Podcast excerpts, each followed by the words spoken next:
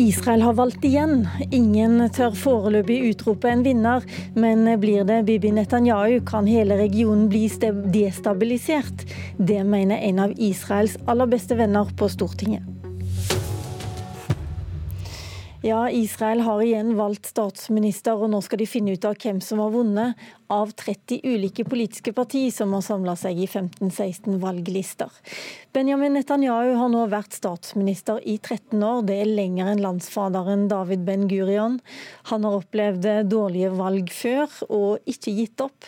I valgkampen så har han også lagt fram stadig tøffere løfter om å annektere okkupert palestinsk land, både i Jordandalen og på Vestbredden.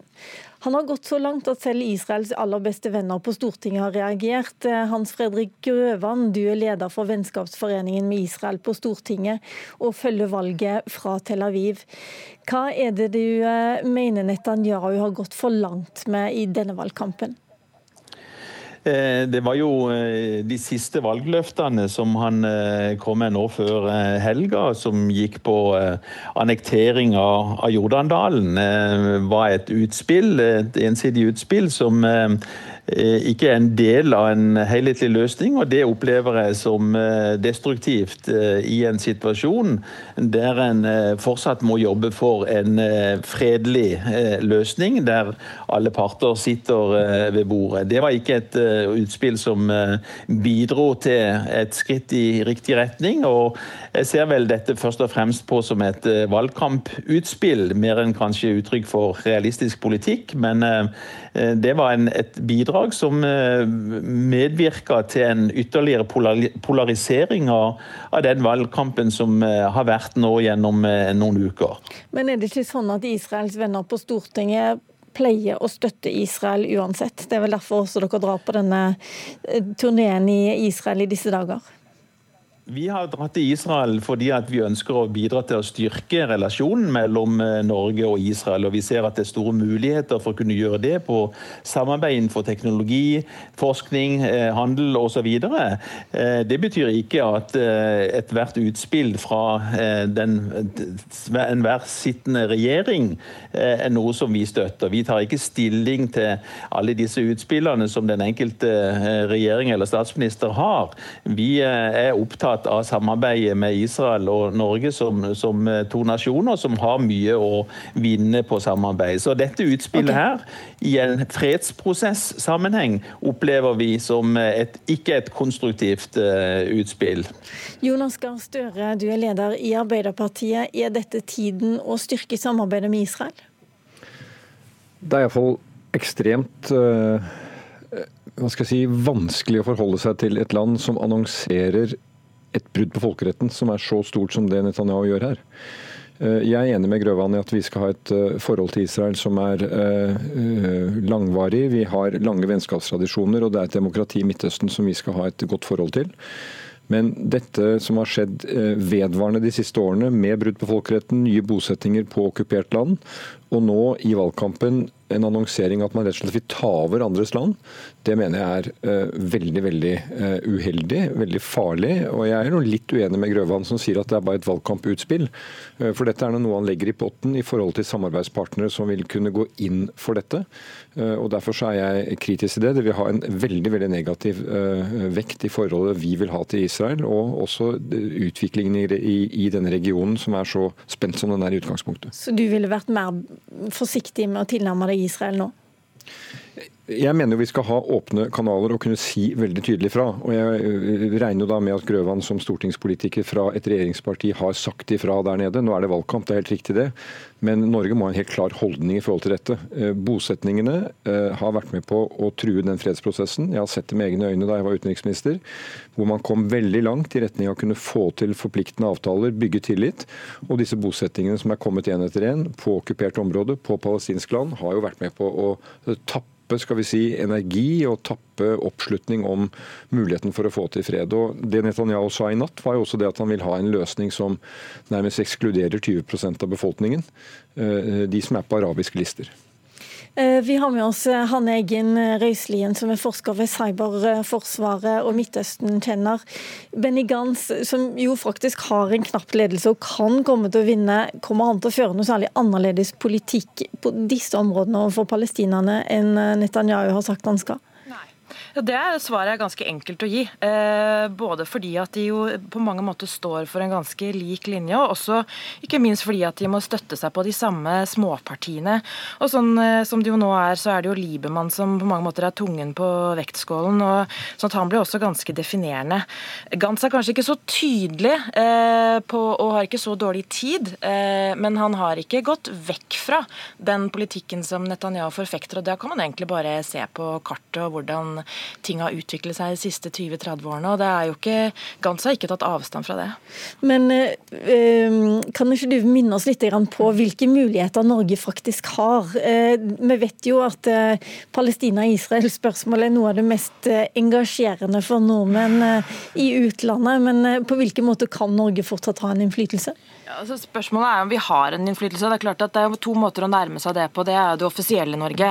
At vi jo er, er leder av giverlandsgruppen, vi er en stor bidragsyter både når det gjelder penger og ressurser. Stort diplomatisk nettverk og veldig stor eh, eh, tillit både på israelsk og palestinsk side. Men så er det jo også eh, sånn at Vi mangler jo en realpolitisk tyngde sånn sett, da vi er jo ikke USA.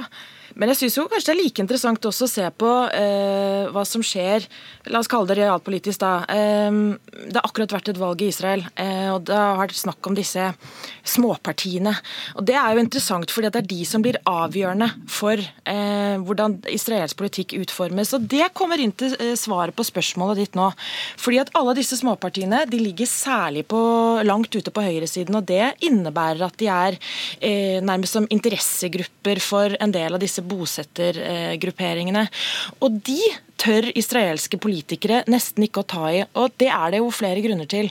Eh, de er veldig militariserte, de har blitt antiarabiske, men de mottar også veldig stor internasjonal pengestøtte fra pro-israelske grupper. Ikke statlig støtte fra altså Norge eller Frankrike eller andre europeiske land, men fra eh, eh, grupper som ønsker å støtte Israel og det israelske prosjektet.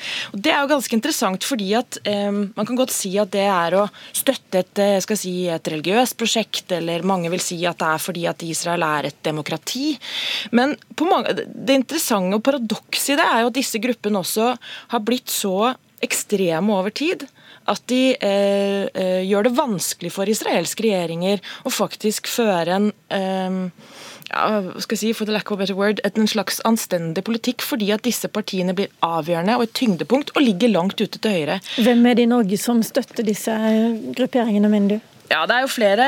Eh, jeg tror ikke jeg skal begynne å komme med altfor lange lister, men vi har både i Norge og i hele, eh, særlig Skandinavia og i Vest-Europa, eh, israelske støttegrupper som, som, overfører direkte penger, ikke gjennom statsapparatet, da, som sagt, men til, fra Norge til f.eks. bosettinger rundt Hebron eller i Jordandalen. Da. Hans Fredrik Røvan, er det noe du vil advare mot, nordmenn som gir støtte til israelske bosettinger, som ifølge internasjonal lov er ulovlig? Altså, det er jo helt private eh, organisasjoner som står bak den type arbeid. Så jeg har ikke behov for å verken si det ene eller det andre hva de ønsker å gjøre. Men det er klart at bosettingspolitikk Eh, er en viktig del av en fredsavtale. Og vi har også vært eh, veldig eh, skeptisk til dette med å opprette bosettinger uten at den har inngått, dette inngår som en del av en fredsavtale. Samtidig så Men bare et lite øyeblikk, Grøvan. Ja. vi kjenner vel i hvert fall til at en del lavkirkelige miljøer på Sør- og Vestlandet er blant dem som har vært ivrige støttespillere til bosettere på, på Vestbredden og, og ja, på Vestbredden? Jo, jeg kjenner ikke så veldig godt eh, til de. Jeg vet at det har vært det. Eh, så, men hvor stor virksomhet det er i, i, Norge Jeg tror nok at eh, de største donasjonene kommer fra helt andre land og grupperinger i, enn i Norge. F.eks. fra eh, grupperinger i USA, blant, blant annet. Men, men som jeg har også lyst til å Si, Altså, Det får jo være opp til den enkelte organisasjon. Jeg syns ikke vi kan ha en, en, sensur i forhold til hva de ønsker å gi, gi penger til. Eh, samtidig så vil jeg jo understreke at eh, bosettingspolitikken eh, som har vært eh, ført, tror jeg ikke er et godt bidrag fra israelsk regjerings side til å bidra til en varig fredsløsning.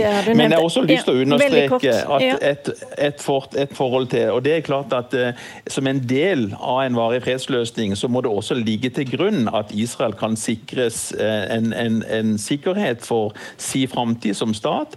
Og vi opplever også at palestinske myndigheter i dag er delt i dette spørsmålet om Israel skal aksepteres som stat. Det er også en viktig del av problemstillingen. sånn at Dette ligger ikke bare på Israels side, men det ligger også på et splitta palestinsk eh, politisk miljø eh, som har ulike holdninger til Israel om en skal forhandle med Israel som en, aksepterer akseptere Israel som en egen stat. Så har jeg bare lyst til å føye til én ting til. Nå kan du ikke føye så mye mer til, fordi jeg har lyst til å spørre Jonas Gahr Støre. Hvis det blir alvor av å annektere disse bosettingene i Jordandalen, så kommer f.eks. en by som Jeriko til å ligge isolert. Norge gir masse bistand til eh, palestinerne hvert eneste år. Hvor lenge skal man fortsette å finansiere et folk som i stadig mindre grad blir i stand til å bli selvhjulpne? Det mener jeg vi skal fortsette med. og jeg mener jo at Hvis det, hvis det er slik at vi pga. Israels ensidige tiltak sier at da slutter vi å hjelpe palestinerne, så er jo det helt feil. Dermed premierer vi jo den politikken som eh, Netanyahu her tar til orde for. Bør man også være strengere i forhold til palestinerne sjøl? For de har jo ikke eh, gjort sitt beste for å bekjempe f.eks.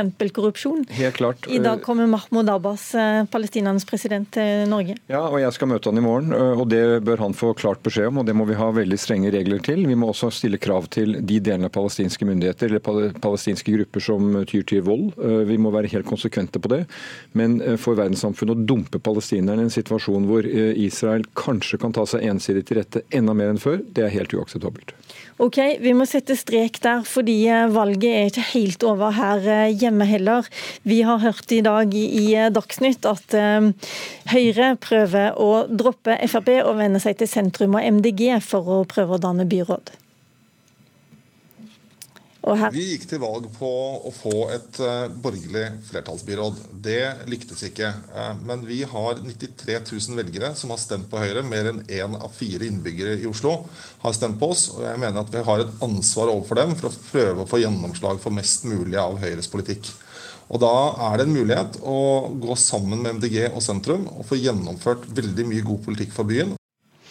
Ja, det sa Erik Lars Sol, eh, Solberg i, eh, i, eh, Høyre. Magnus Takvam, politisk kommentator i NRK. Hvor realistisk er det at Høyre likevel får makta i Oslo?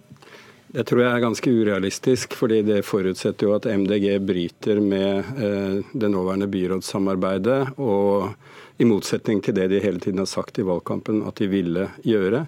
Så dette er mer snakk om en sondering da i utgangspunktet mellom Venstre og MDG om hva de eventuelt er enige om. Det er ingen tvil om at eh, MDG i hvert fall på noen punkter kunne tenke seg å bytte ut eh, Venstre eh, med Rødt som støtteparti, så å si, for byrådet. Men alt tyder på at det blir et mindretallsbyråd. Eh, og så får man se om det da av og til eh, har vekslende støtte fra Venstre eller Rødt. Det vet vi ikke riktig ennå. Vi har hørt mye om krangelen mellom Frp og Venstre de siste dagene på regjeringsnivå, men er Frp også blitt en klamp om foten på Høyre? Altså, I hvert fall i Oslo så er det en bred skal vi si, grønn konsensus om eh, politikkutvikling i Oslo. Og Det som nå skjer, er jo at først Venstre vender seg til MDG og åpner for, for, et samarbeid, og også da Høyre når valgkampen er over. De sa jo noe annet under selve valgkampen. Og Det er et interessant eh, momentum. Eh, og det er mange, også i Høyre ellers, eh, i hvert fall lokalt, som er åpne for samarbeid med eh, MDG. Så får vi se hvordan det smitter over på den nasjonale politikken. Men for MDG kan det være gunstig at det oppstår en konkurranse for så vidt om deres gunst mellom f.eks. Arbeiderpartiet og Høyre. Så det er et veldig spennende trekk akkurat nå.